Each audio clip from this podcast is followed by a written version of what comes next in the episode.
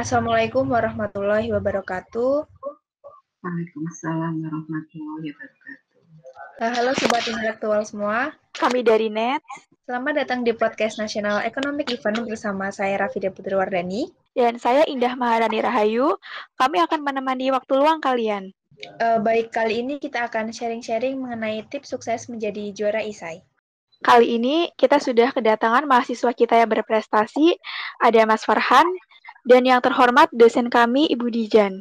Uh, baik, saya ucapkan selamat datang kepada Bu Dijan dan Mas Farhan uh, di podcast hari ini.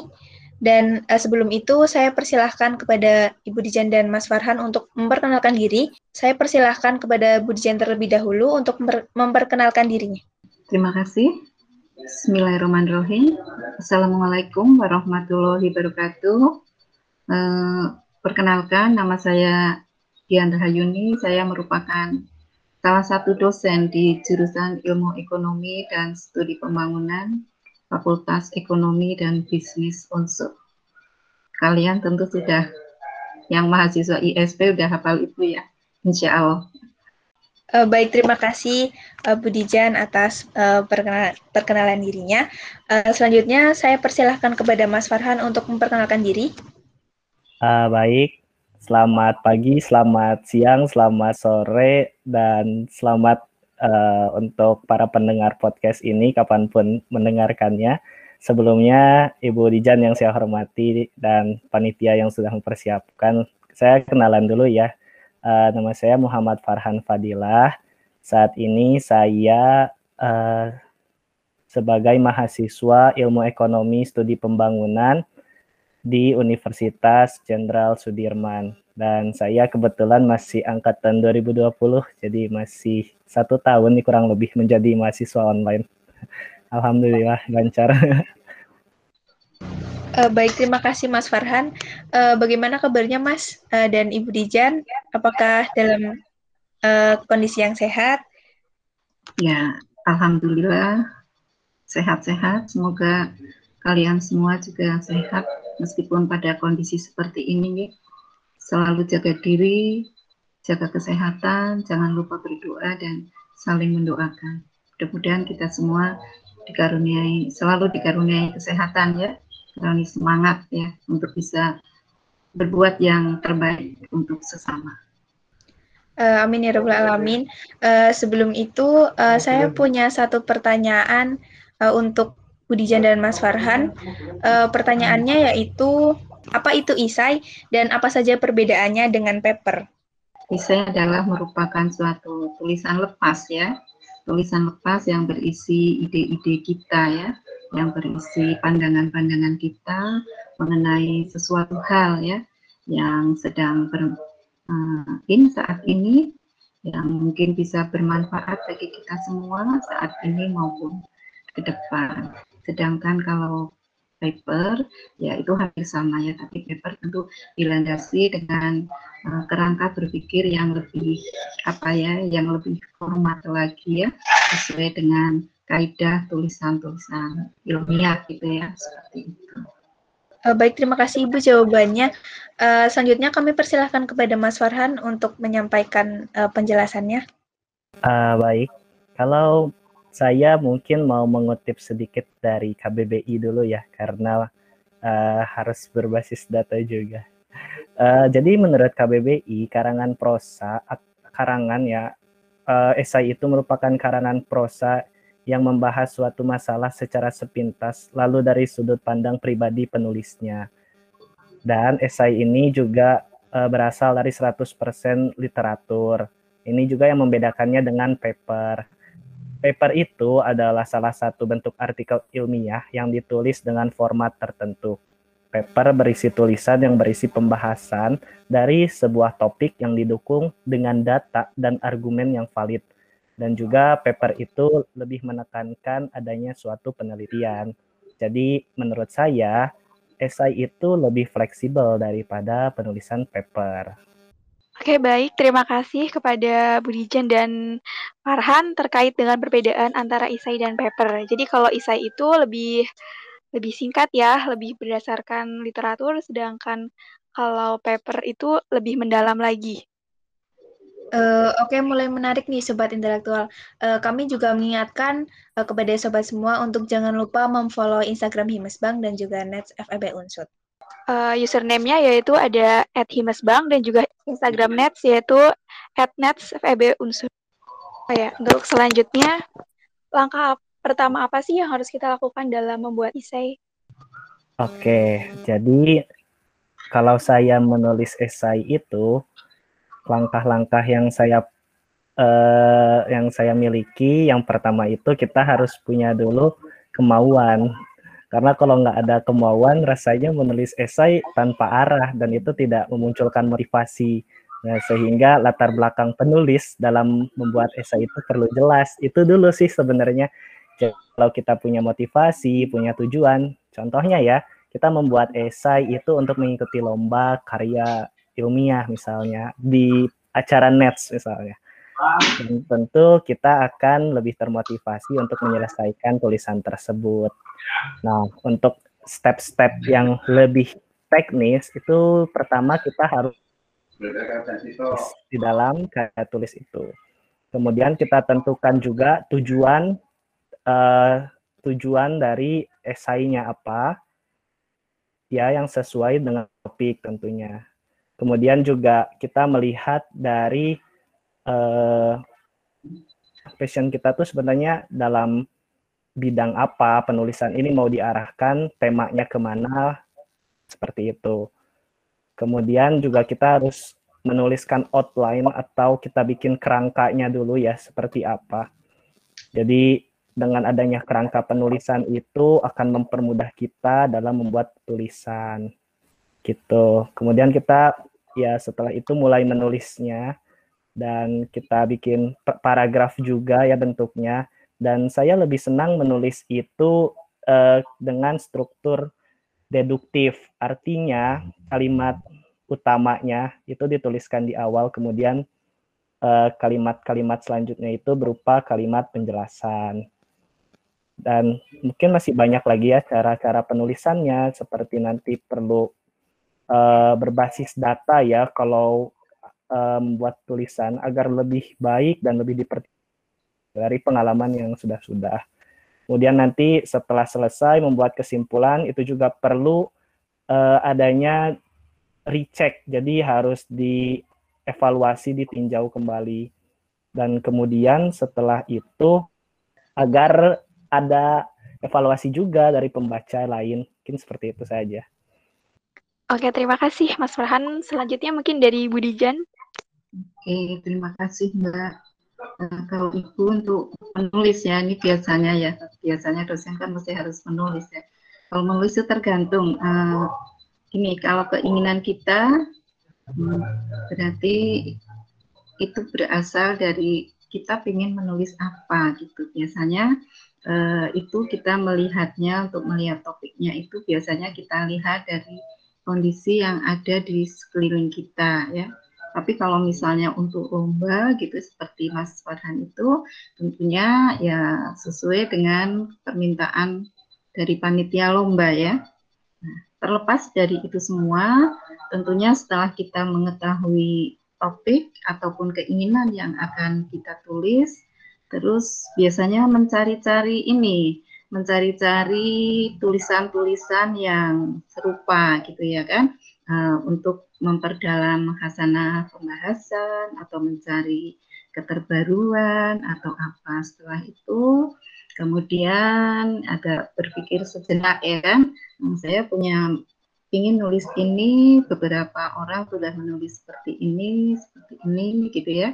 Kemudian kita mencoba ya apa aja yang mau ditulis gitu ya garis-garis besarnya gitu. Apa yang mau kita uh, tumpahkan dalam tulisan itu kita tulis pokok-pokok pokok-pokoknya kemudian setelah itu dibikin kerangkanya nah terus kemudian uh, mem, apa ya memadukan ya memadukan antara ide-ide kita kemudian uh, hasil yang lain, keterbaruan yang ingin kita kemukakan dan sebagainya. Tapi tidak tidak boleh mencontek ya. Itu semua uh, adalah tulisan itu keluar dari hati kita sehingga tidak ada uh, plagiarisme plagiarismenya, tidak ada plagiarisme. Jadi keluar dari hati kita uh, dan kita jadi tidak bingung, tidak bingung untuk menulis karena itu memang uh, yang kita inginkan gitu ya, yang kita inginkan. Nah, setelah itu ditulis, kemudian ketika kita menulis ya kita sering baca ulang gitu, benar enggak, benar enggak gitu ya kan, seperti itu.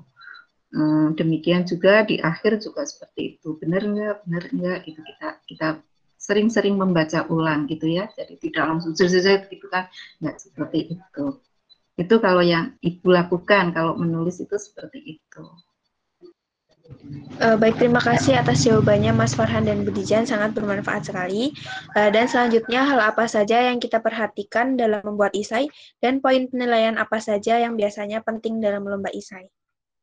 Biasanya nih kalau misalnya ibu diminta menjadi juri biasanya itu panitia sudah meminta oh poin yang dinilai ini ini ini gitu ya kan? Uh, sehingga uh, ada ada kekakuan ya bagi untuk menilainya karena menilai harus poinnya uh, misalnya jumlah halaman, kata-kata dan sebagainya. Tapi pada intinya ya, pada intinya kalau ya tentunya format penulisannya ya, format penulisan termasuk kata bahasa gitu ya, seperti itu. Terus kemudian kerangkanya, terus alur berpikirnya. Alur berpikirnya tuh konsisten nggak ya dengan judulnya gitu ya kan? Alur berpikirnya. Kemudian jika ada saduran-saduran atau cuplikan-cuplikan dari referensi lain uh, disebutkan atau tidak seperti itu. Kalau misalnya udah ada form dari panitia misalnya ya itu seperti itu tata bahasa, format gitu ya, tampilan lah ya tampilan. Uh, biasanya yang kurang diperhatikan ya selama ibu menilai nih ya selama ibu menilai pengalamannya. Yang kurang diperhatikan yaitu format. Format panitia sudah menentukan format tapi uh, formatnya kurang gitu ya. Termasuk tata bahasanya termasuk apa ya uh, peletakan anu ini. Apa sih ya cara penulisannya ya cara penulisannya itu ya. Misalnya um, spasi ukuran kertas gitu. Uh, kadang sering-sering masih porak-poranda gitu seperti itu. Yang tapi yang jelas uh, kesatuan antara judul uh, ngantar pembahasan kesimpulan terus kemudian ininya pustaka-pustaka yang diacu itu paling nggak harus sinkron gitu. Uh, baik, terima kasih Ibu Dijan. Uh, selanjutnya mungkin Mas Farhan bisa menjelaskan uh, poin penting yang iya. uh, dinilai uh, dalam menulis suatu esai, tentu banyak yang perlu diperhatikan, apalagi kalau motivasi kita dalam mengejar suatu kompetisi misalnya. Tentu kita ingin berusaha menjadi yang terbaik gitu kan. Beda dengan misalnya kriteria sudah bisa dikumpulkan. Ya, ada beberapa hal yang saya soroti dalam menulis itu. Yang pertama latar belakang yang dituliskan itu harus menarik. Karena kalau dari latar belakang sudah tidak membuat penilainya merasa tertarik untuk membaca lebih lanjut, maka kemungkinan penulisan tulisan selanjutnya kalimat deduktif ya tadi sudah diberitahu di awal dalam penulisannya uh, alasannya juga karena kalimat deduktif ini lebih cocok untuk bahan tulisan esai dan kemudian juga sertakan data-data yang memperkuat argumen. Jadi kita nggak hanya berasumsi, nggak hanya memberikan perspektif, walaupun esai itu fleksibel, tapi tetap harus berpegangan pada data. Dan gunakan juga datanya itu yang paling update, jangan sampai menggunakan data yang lama sudah tidak kredibel lagi. Kemudian sumber-sumber rujukan referensi dari sumber yang kurang relevan, kurang dapat dipertanggungjawabkan. Dan kemudian juga sertakan ya kalau bisa itu ada solusi dan rekomendasinya sehingga kita memang terlihat sangat mengerti isi tujuan dan juga lebih ber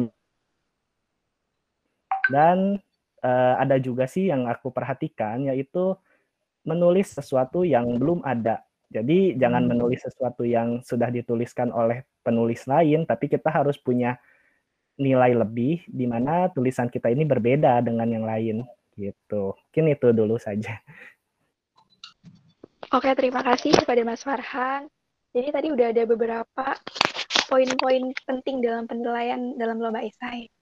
Nah, selanjutnya sumber apa saja yang diperol yang diperolehkan untuk kita mencari data dan materi terkait bahan esai? Oke, okay. uh, eh, kalau saya dalam membuat esai, sumber datanya tentu yang pertama itu harus dapat dipertanggungjawabkan. Makanya saya lebih senang itu mengambil dari jurnal, dari riset-riset hasil orang lain. Karena yang namanya jurnal dan riset itu sudah pasti dapat dipertanggungjawabkan oleh seorang buku ataupun dari internet. Nah, dari internet ini kan tentu sekarang kita tahu ya banyak sekali apa pun ya bisa kita tuliskan di internet dan itu juga ya bisa ada sisi negatifnya karena beberapa tulisan di internet ya ada kalanya tidak dapat dipertanggungjawabkan. Makanya kita perlu juga memilah kembali dengan teliti sumber-sumber yang didapat dari internet tersebut. Gitu. Jadi medianya juga harus diperhatikan. Nah, mungkin dari Ibu Didi bisa menambahkan. Oke.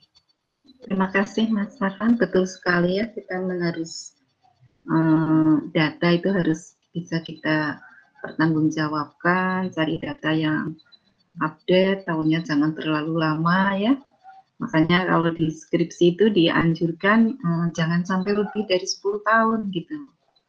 Ya kalau sumber data itu sebetulnya banyak tergantung dari apa yang kita tulis. Kalau kita nulisnya fenomena yang ada di masyarakat, kita bisa sumber datanya juga bisa dari pejabat ataupun masyarakat yang berkompeten gitu ya dari internet juga bisa ya, uh, tapi jangan yang ya yang bisa dipertanggungjawabkan. Betul tadi kata Mas Farhan yaitu dari eh, jurnal-jurnal uh, yang ada yang bisa kita akses dari sumber-sumber yang bisa dipertanggungjawabkan gitu ya. Bisa juga dari literatur, bisa juga dari laporan-laporan yang dikeluarkan oleh kementerian-kementerian ataupun instansi-instansi pemerintah. Sekarang kan banyak sekali ya secara umum ada dari BPS, Bank Indonesia, dari Kementerian Keuangan, setiap kementerian mengeluarkan eh, data-data uh, yang ada asal kita eh, rajin-rajin uh, aja mencari di Google ya, mencari di Google ya. Kita ada semuanya yang yang barangkali tidak terpikirkan misalnya mengenai data pertanian, data mengenai demografi, itu ada juga ada jurnal-jurnalnya ya, ada jurnal demografi, jurnal pertanian dan sebagainya. Banyak sekali. Alhamdulillah pada masa seperti ini nih eh, data ini murah sekali ya, murah sekali. Kita bisa ambil duduk santai, kita bisa mencari data yang ada misalnya di Kalimantan, yang ada di seluruh Indonesia gitu ya. Makanya eh, itu sangat senang ya jika anak muda sekarang ini giat ya, lebih giat, lebih bersemangat lagi karena uh, lebih dipermudah ya, dipermudah oleh informasi-informasi ya. Buku juga begitu ya. Kita ada juga uh, buku apa? buku elektronik dan sebagainya. Jadi berbahagialah. Oleh karena itu marilah kita lebih bersemangat lagi ya, lebih bersemangat lagi untuk berselancar di dunia ilmu untuk kemanfaatan bersama. Segalanya udah dipermudah. Betul Mas Farhan seperti itu, cuma harus dipertanggungjawabkan. Sumber data itu banyak, tapi tentunya ketika kita mengambil dari salah satu sumber, ya kita harus menyebutkan secara jelas ya. Jadi tidak tidak nyontok, tidak plagiasi ya, tidak meniru. Karena plagiasi itu merupakan salah satu sikap akademik yang nggak baik ya. Seperti itu. Terima kasih Bu atas jawabannya.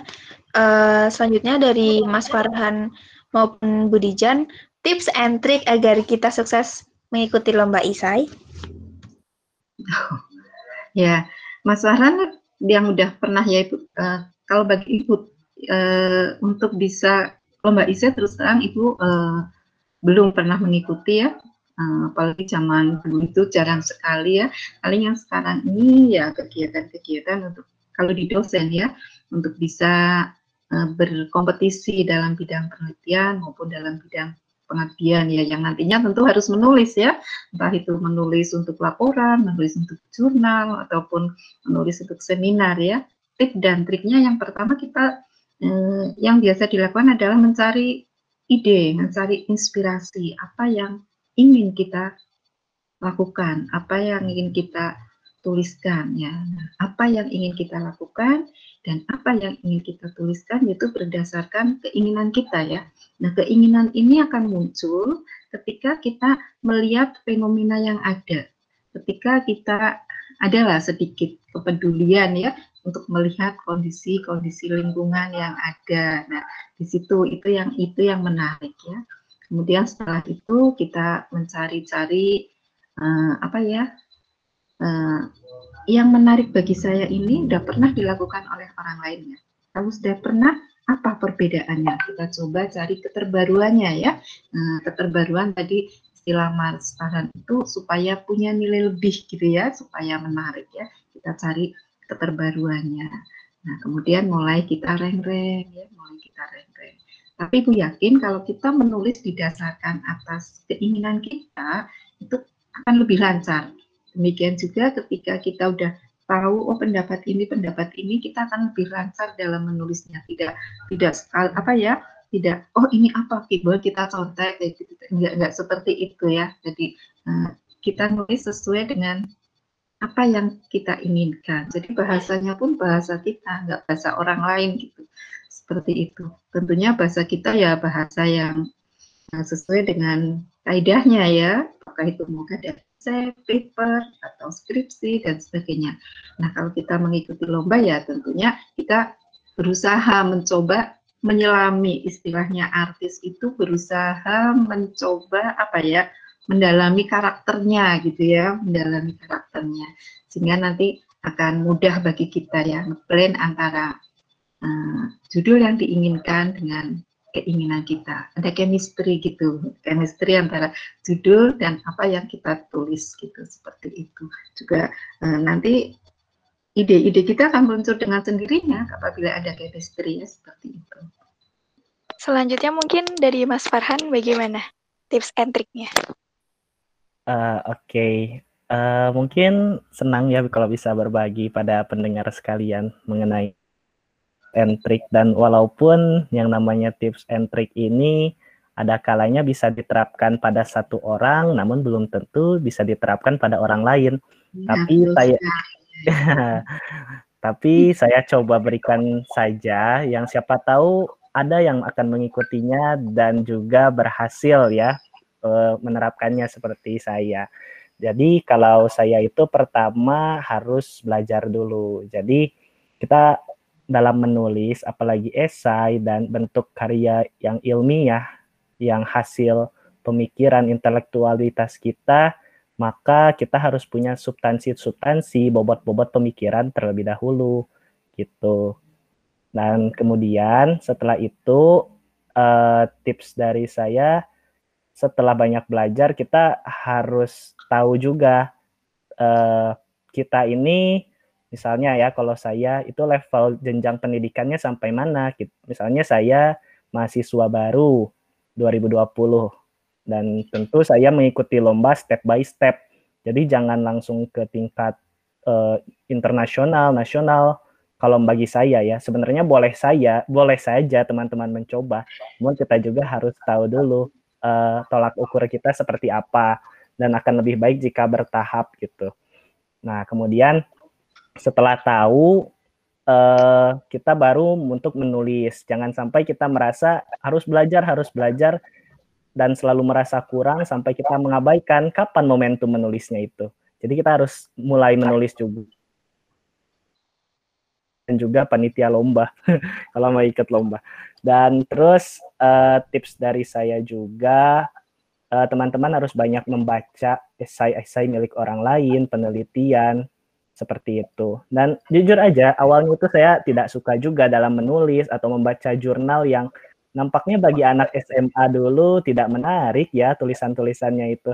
Tapi setelah saya berusaha berenang di dalam lautan pengetahuan dan saya menarik itu tertarik dengan ilmu-ilmu riset-riset yang ada di dalam suatu jurnal misalnya untuk dipelajari dan mengungkapkan fakta-fakta baru yang belum saya ketahui. Dan itu menjadi motivasi tersendiri buat saya. Dan buat teman-teman uh, yang ingin menulis juga saya tekankan untuk berani memulai tulisan itu. Dan berani juga untuk mengakhirinya atau menyelesaikannya. Karena dulu saya juga sempat mengalami untuk memulai menulis tapi tidak terselesaikan. Karena memang mungkin kata-kata itu dirasa ringan dan sederhana tapi kalau sudah dijalankan nampaknya berbeda. Jadi harus diselesaikan apa yang kamu mulai begitu. Ya mungkin itu saja sih. Semoga bisa bermanfaat. Oke, okay, terima kasih. Silakan Ibu. Menulis itu kalau kita sudah berhenti gitu, kita punya satu ide ditulis kemudian berhenti itu untuk memulainya lagi sulit. Sehingga nah, jangan pernah berhenti gitu ya kan. Nah, sedikit meskipun sedikit kita apa mulai lagi menulis apa yang kita tulis gitu ya.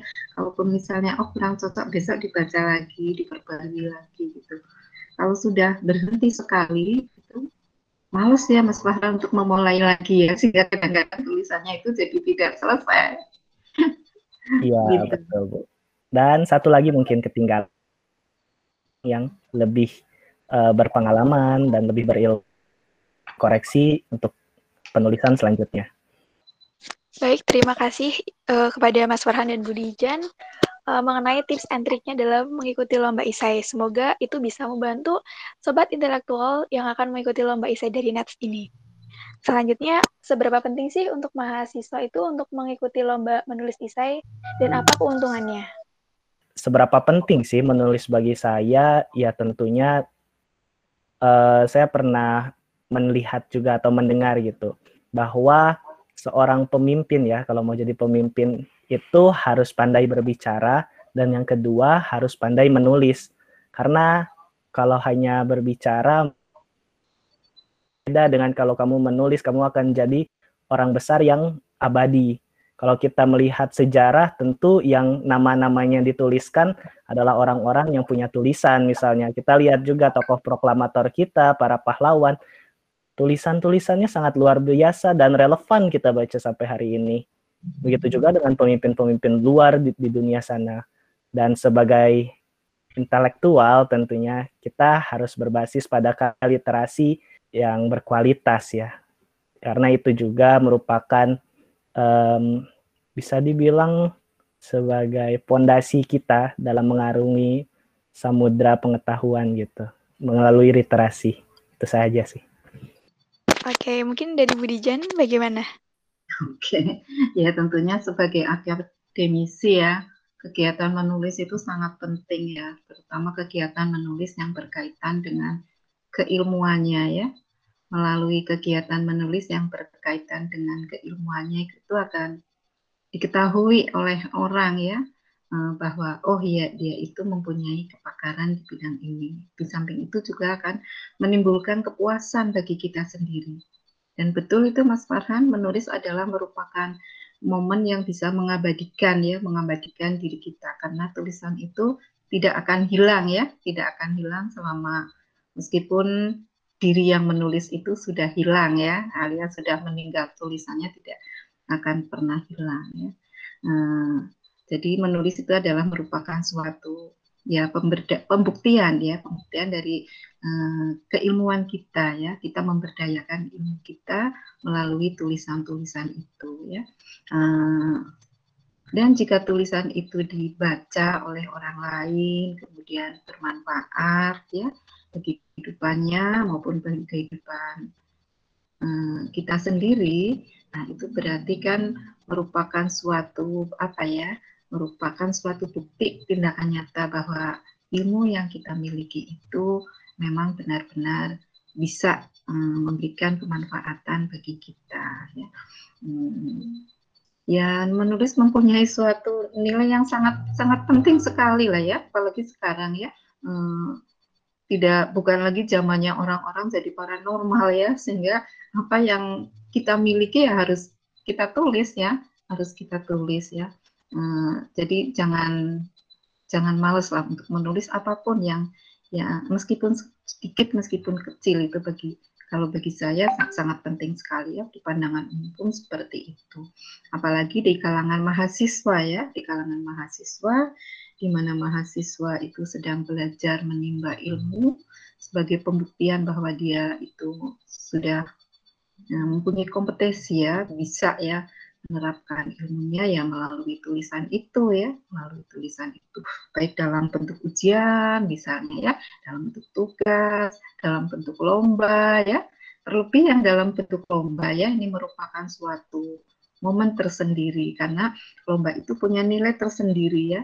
Bagi mahasiswa kalau bisa menulis dia mengikuti lomba menang itu akan meningkatkan prestis dirinya ya akan meningkatkan kepercayaan dirinya untuk bisa uh, lebih maju lagi lebih baik lagi mencoba mencoba lagi ya bertahap ya dari yang kalau Mas Wada itu dari yang kecil kemudian meningkat ke yang besar yang besar yang besar gitu. Tapi ya memang tiap-tiap orang itu uh, berbeda-beda ya. Tapi uh, menulis harus dilatih. Itu bagi diri mahasiswa ya.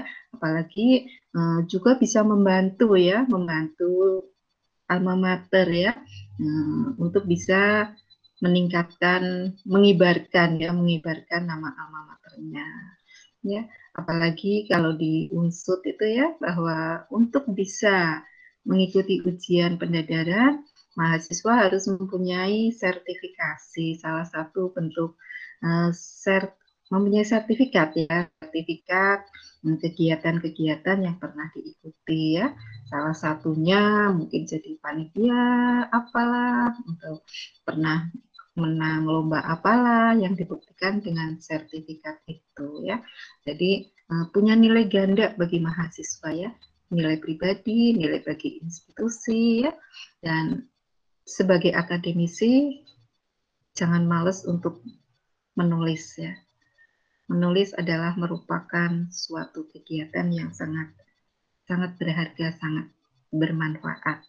Tapi kalau tidak pernah menulis ya mau memulainya sulit, makanya ayo kita berlatih ya sedikit demi sedikit ya. Sedikit demi sedikit nanti lama-lama lancar. Apa yang mau ditulis ya apalah yang uh, ada di dalam pikiran kita, apa yang ada di hati kita, apa yang menarik bagi kita, tulis aja. Nanti lama-lama akan lancar ya. Tulisannya harus bagaimana? Ya tentunya ya sesuai dengan tahapan kita ya, kita belajar dulu sesuai dengan pedoman dan sebagainya. Pokoknya mulai aja, jangan ragu untuk memulai sesuatu yang bermanfaat gitu. Uh, baik, terima kasih Mas Farhan dan Bu Dijan. Uh, setelah pembicaraan yang seru dan bermanfaat tadi, kita punya satu pertanyaan lagi nih buat uh, Bu Dijan dan Mas Farhan. Uh, ngomong-ngomong tentang Isai, uh, punya pengalaman menarik at, uh, yang berkaitan dengan Isai yang bisa di-share atau tidak ya Bu Dijan dan Mas Farhan? Barangkali bisa di-share di sini. Kalau Ibu ya Mbak ya, kalau Ibu untuk mengikuti lomba-lomba ISE itu Ibu tidak ya, Ibu tidak mengikuti lomba ISE, cuma nah kalau untuk menulis menulis ya Ibu punya satu tulisan sendiri gitu ya. Hmm, apa ya caranya tulisan apalah yang ingin dikemukakan gitu. Nah kalau sekarang ini eh, tidak ikut lomba sih kalau untuk dosen yaitu ikut kompetisi ya. Bukan ya di ya lomba ya sama dengan kompetisi tapi istilahnya bukan lomba ya. Kompetisi untuk melakukan kegiatan tridharma di mana kompetisinya itu bisa dalam bentuk penelitian dan bisa dalam bentuk pengabdian ya uh, juga uh, kalau di kompetisi penelitian dan pengabdian itu ya jelas tulisannya harus standar ya di samping itu untuk menulis uh, di dalam jurnal ya menulis dalam jurnal dan itu kalau untuk dosen itu harus ya setiap semester itu paling tidak harus menghasilkan jurnal harus menulis untuk kegiatan seminar dan sebagainya. Nah, Kemudian gimana cara menulis seperti itu ya itu tadi ibu katakan itu apa yang kita kita minati ibu tulis ya. Misalnya nih ibu eh, minat untuk melakukan penelitian misalnya mengenai eh, modal sosial gitu ya ibu tulis modal sosial itu apa sih ya modal sosial ibu teliti gitu nanti dari modal sosial itu dilanjutkan untuk kegiatan pengabdian modal sosial masyarakat yang kurang itu apa ya untuk pengertian. Kemudian nanti dari situ Ibu ambil split lagi satu sisi uh, untuk menulis di jurnal. Split satu sisi dilihat misalnya modal sosial dilihat dari jaringannya. Split untuk jurnal, dilihat dari ketaatan masyarakat. Split untuk kegiatan uh, menulis artikel di seminar seperti itu. Jadi satu topik satu topik itu bisa dilihat dari berbagai sudut pandang itu. Itu kalau ibu lakukan ya yang seperti itu. Jadi satu topik tapi topiknya agak besar, di, kemudian dilihat-lihat dari sudut pandang. Misalnya nih kalau ekonomi nih ya, ekonomi misalnya mengenai potensi ekonomi lokal gitu ya kan potensi ekonomi lokal itu apa ya? Kita banyak split lagi, mungkin sumber alamnya, mungkin daerahnya, gitu ya, atau apa? Mungkin dilihat dari cara produksinya, cara pemasarannya. Jadi di split-split seperti itu. Itu seperti itu. Jadi kalau pengalaman isai sendiri ibu nggak pernah, cuma hmm, kalau kompetisi di dalam penelitian dan pengertian ya itu lakukan dan harus lakukan gitu, seperti itu. Uh, baik, terima kasih Bu Dijan. Uh, dari Mas Farhan bagaimana Mas? Uh, iya, kalau dari pengalaman pribadi sih, dulu sebenarnya ya saya itu ketika mendengar ada perlombaan esai, perlombaan karya tulis dan sejenisnya, apa pun baru mendengar ada perlombaan, saya udah meragukan diri saya dan saya memandang pasti di luar sana sudah ada yang lebih hebat, sudah ada yang lebih uh, berpengalaman, yang sudah terbiasa menjuarai, sehingga saya berpikir kalau saya ikutan itu akan sia-sia, itu akan buang-buang waktu saya. Kenapa saya nggak melakukan hal yang sudah biasa saya lakukan saja misalnya. Dan suatu saat ternyata dia mengikuti lomba itu dan menang pada saat itu. Dan kemudian saat itu saya melihat bahwa ternyata kalau teman kita bisa, kenapa kita nggak bisa gitu. Dan rasa apa ya, bukan iri, tapi lebih ke terinspirasi itu membuat saya punya dorongan dari dalam untuk melakukan atau meniru teman saya. Sehingga saya awalnya itu coba-coba ikutan. Walaupun coba-coba, tapi tentu ada seriusnya ya. Jadi saya menulis dengan serius, saya mencurahkan isi kepala dengan sepenuh hati dan kemudian saya ikutin tips and trip yang saya dapatkan juga. Saya bertukar wawasan dengan orang yang lebih berpengalaman, saya minta diuji tulisan saya dan itu menjadikan bahan evaluasi, evaluasi, evaluasi dan nggak satu kali saya ikuti langsung menang tapi beberapa kali dan saya sadar bahwa kemampuan saya itu berkembang gitu dan itu yang membuat saya sampai sekarang mungkin lebih terbiasa dan lebih mudah. Jadi menulis itu bagi saya harus learning by doing juga. Kita nggak bisa menunggu-nunggu momentum, tapi harus berani mulai itu sih. Uh, baik, terima kasih Mas Farhan dan Budijan atas uh, sharing pengalaman menariknya. Uh, dan nggak kerasa uh, obrolan kita udah selesai nih. Iya, padahal obrolan kita ini sudah mulai seru, tapi harus berakhir.